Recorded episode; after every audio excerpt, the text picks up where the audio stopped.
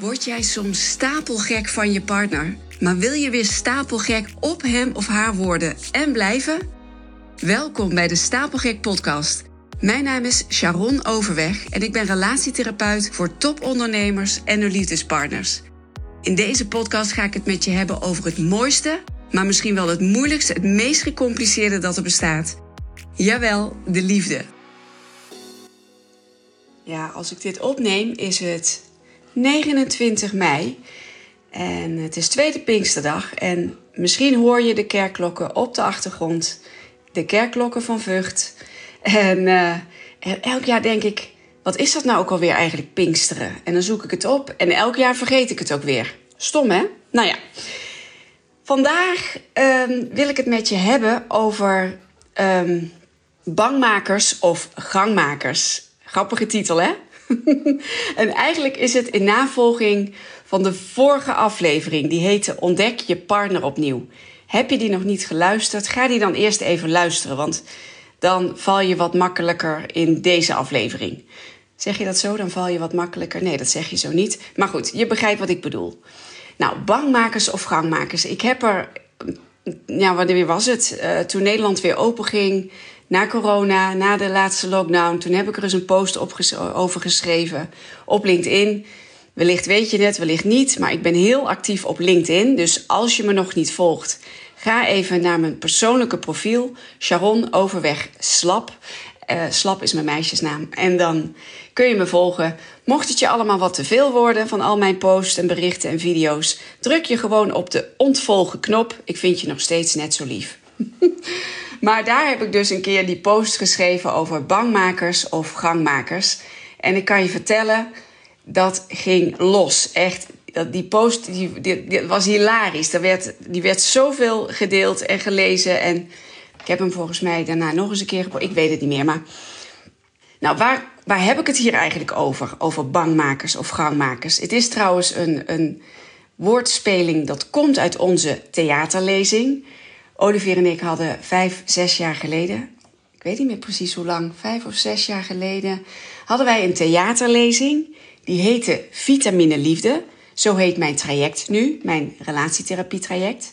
We spraken voor vrouwennetwerken, uh, in kleine theatertjes, uh, zelfs een keer een ladies night in een lingeriewinkel. Superleuk was dat ook. Was ook uh, was heel bijzonder trouwens, wat daar toen gebeurde. Zal ik straks nog vertellen, als ik het niet vergeet. Als ik het wel vergeet, stuur me een DM, een persoonlijk bericht op LinkedIn. Ga ik er alsnog ga ik het je vertellen. Uh, wat daar gebeurde tijdens die Ladies Night in die lingeriewinkel. Maar goed, we hadden dus een lezing, een theaterlezing over de liefde, over relaties. Waarin onze relatie ja, eigenlijk als rode draad er doorheen liep. En mm, we stonden daar helemaal niet als rolmodel, helemaal niet juist. Wij stonden daar als een doodnormaal stel te vertellen over onze ups en downs, hè, over onze succesjes, over onze fuck-ups. Ook vertelden we dat ik ooit ben vreemd gegaan, hoe Olivier daarmee is omgegaan. Nou ja, mocht je daar meer over willen weten, dat is volgens mij twee of drie afleveringen terug. Uh, in een interview van de podcast van Eva Visser Plaza, de No Nons Show. Die heb ik gedeeld op mijn feed. Daarin vertel ik dat, hoe dat, ja, hoe dat is gegaan, hoe dat voor Olivier was en ja, wat voor invloed dat had op onze relatie. Uh, maar dat vertelden wij dus ook heel openhartig in die lezing. Het was echt een leuke theaterlezing. Met een lach, met een traan, met mooie muziek. Heel herkenbaar. We stonden daar dus niet als rolmodel, maar we lieten juist zien van... Kijk, oh, je hoort af en toe een piepje, er komen berichtjes binnen op mijn laptop. We lieten daar eigenlijk zien van... Kijk, het gras is bij ons heel groen. Ja, maar dat komt omdat er meer shit op ligt. Daarom is dat gras zo groen. Nou ja, dus het was, het was een heel mooi, mooi, mooie lezing. En wat er gebeurde was dat na die lezing mensen naar ons toe kwamen om hun verhaal aan ons te vertellen. En dat was eigenlijk wat we ermee wilden bereiken. Dat we veel meer met elkaar zouden delen over onze relaties. Want dat leren we dus op school niet, hè? Uh, het vak relaties bestaat niet. Dus we doen allemaal maar wat. We, we prutsen allemaal wel wat aan. Wij ook. Maar wat voor ons werkt, werkt misschien voor jullie en andersom. En wij hadden zoiets van: laten wij daar nou eens het voortouw in nemen. Laten wij beginnen met vertellen. Dus dat, ja, dat, dat was geweldig wat er daar allemaal ontstond en wat wij weer terugkregen. En een van de onderdelen van die lezing was ja, dit thema: bangmakers of gangmakers. Nou, de vorige aflevering ging dus over ontdek je partner opnieuw. Van ga je partner nou eens opnieuw bekijken met nieuwe frisse ogen. En wat zie je dan? Wat valt je dan weer op? Alsof je elkaar voor het eerst ziet. Maar als je dat bij je partner doet en je partner doet dat bij jou, dan is het voor jezelf ook wel eens heel goed om te weten: hé, hey, waar kijkt mijn partner eigenlijk naar? Wat ziet mijn partner dan? Wie wil ik zijn? Wat voor man of vrouw of vriend of vriendin wil ik voor mijn partner zijn? Wat voor vader of moeder wil ik zijn voor mijn kinderen? dus wat ziet mijn partner dan? En als je zo gaat denken, haal je jezelf ook weer uit die valkuil van de vanzelfsprekendheid, zoals ik dat altijd noem. Dan denk je, ja ik, heb, ja, ik heb ook altijd maar zwart aan. Misschien is het wel eens leuk voor mijn partner, en ook voor jezelf natuurlijk, als ik eens een kleurtje aandoe. Of als ik eens een ander luchtje opdoe. Want dat is heel grappig, hè? Als jij altijd hetzelfde luchtje draagt, dezelfde parfum, en je doet dus wat anders op, nou dat is grappig. Moet je eens opletten of jouw partner dat opvalt. Grote kans dat je partner zegt: hm, dat ruikt je lekker. Omdat, je, omdat iets nieuws ruikt. Of uh, hey, wat heb je een leuke kleur aan? Dat zie ik je nooit aan hebben. Weet je, of je gaat elkaar gewoon op een andere manier bekijken. Dus het is heel leuk om zo ook naar jezelf te kijken. En vandaar dit leuke, deze leuke titel: Bangmakers of Gangmakers. Nou, waar gaat het nou over? Het gaat over je onderbroeken. over je ondergoed. Trek deze week nou eens even die onderbroekenla open en bekijk nou eens even zelf met nieuwe, frisse, kritische ogen wat ligt daarin. Nou, ik kan jullie vertellen, het is echt super leuk om te doen. Want zit daar nog enigszins sexy en juicy spul tussen? Oftewel gangmakers. Of overheersen de sloggy-achtige onderbroeken. De zogenaamde bangmakers. ja, en ik zal ook heel eerlijk met je zijn. Bij mij is het inmiddels een mix. Zeker weten. Ik bedoel, I love bangmakers. ze zijn libido-verlagend, maar erg prettig dragend, zeg ik altijd. En in onze theaterlezing heb ik het al heel vaak gezegd en zelfs laten zien, want ik had die bangmakers gewoon meegenomen. Die, die had, had ik zo in een wasmandje of op een rekje. Uh, nam ik dat dan mee en liet ik dat zo aan het publiek zien. Weet je, dat waren echt van die sloggy-achtige katoenen onderbroeken meestal. Of van dat ja, fiber, dat hele dunne, uh, naadloze spul. Zo lekker tot boven mijn navel. Heerlijk. Weet je, wat ook nooit tussen je billen gaat zitten. Wat gewoon, je trekt dat aan en het blijft zitten waar het zit. Ik vind dat heerlijk spul. Maar ja, dat droeg ik eigenlijk. Wij zijn nu 28 jaar samen. Ik heb dat zeker 15 jaar, nou ja, zeg de helft van onze relatie dat we samen zijn, 15 jaar gedragen. Ik had alleen maar van dat soort bangmakers. Ik vond die prettig zitten. Ik dacht, nog te niet, ik, ik, dacht er nog niet eens aan om een kantje te kopen of een niemendalletje of hoe heet dat, een, een, een string of een tang. Ik, ik vond dat allemaal helemaal niks. Dat zat niet lekker. Ik vond er ook wat van. Ik kom uit een heel conservatief gezin. Ik vond dat hoerig. Ik vond dat ordinair. Ik voelde me daar zelf heel ongemakkelijk in. Als een of andere sekspoes of zo. Uh, wat ik niet wilde zijn. Ook daar had ik een oordeel op. Ik was heel onzeker. Als wij vrijden. Nou ja, nu ben ik heel open. Maar goed, dit vertelde ik ook in de lezing. Als wij vreden, dan had ik mijn handen vaak op mijn dijen, op de buitenkant van mijn benen. Want ik vond mezelf te dik en ik vond mijn billen heel wollig. Van die dikke, wollige billen noemde ik dat. En daar was ik heel onzeker over en ik wilde dan niet dat Olivier dat zag.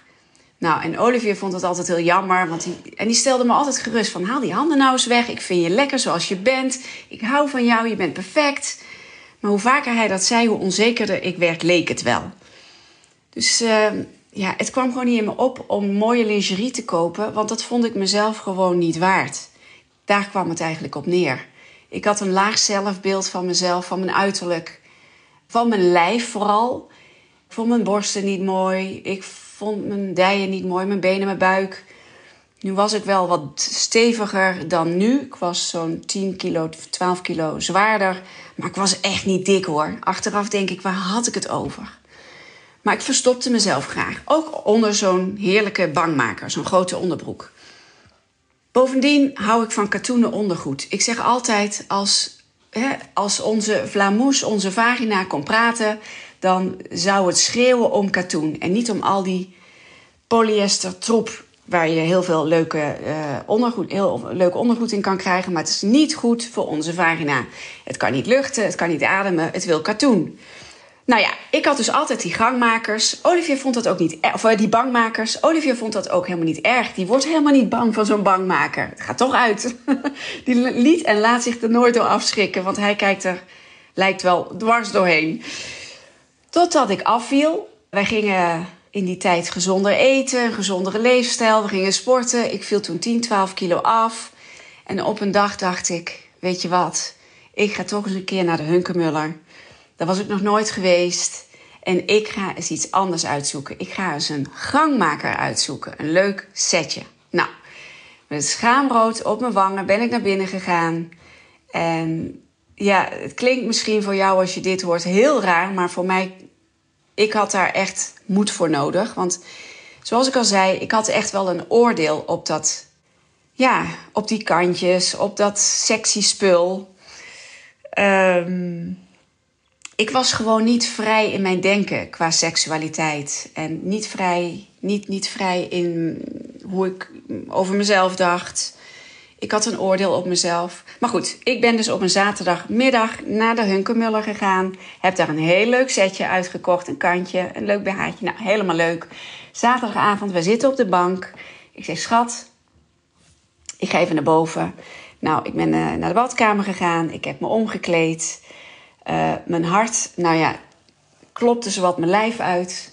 Uh, ik ben naar beneden gegaan en echt, net als in de film, net als in de film, ben ik in de deuropening gaan staan. De deur van de gang naar de woonkamer. Met mijn handen zo in die deurpost. Heb ik mezelf tegen die deurpost aangedrapeerd, zo. En ik was bloednerveus. En ik zal misschien iets gezegd hebben van... hé hey, schatje, kijk even of zo. Ik weet het niet meer, dat weet ik niet meer. Maar ik was heel nerveus. En, maar Olivier die keek mij aan. Hij lachte niet. Hij keek mij aan alsof hij mij voor de eerste keer zag. Ik zal die blik nooit meer vergeten.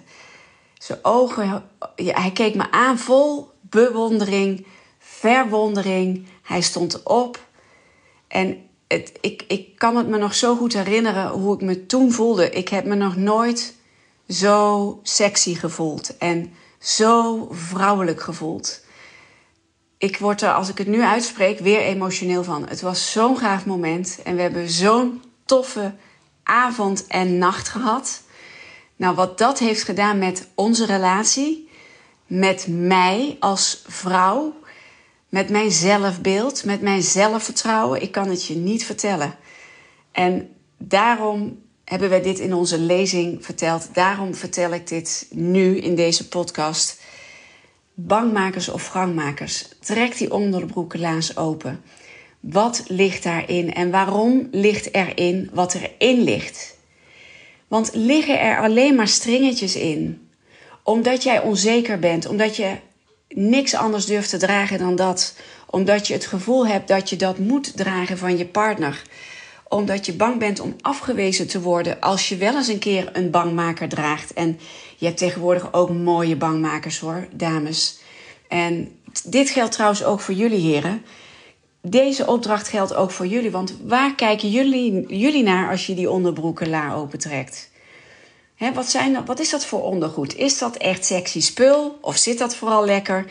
Ook voor jullie, je hebt zulk leuk ondergoed voor mannen. En zo sexy. Wissel daar eens in af. Doe het gewoon. En kijk eens wat het effect is op je partner en op jezelf. het is, eigenlijk is de vraag: doen jullie nog wel moeite voor elkaar om er nog leuk en lekker uit te zien?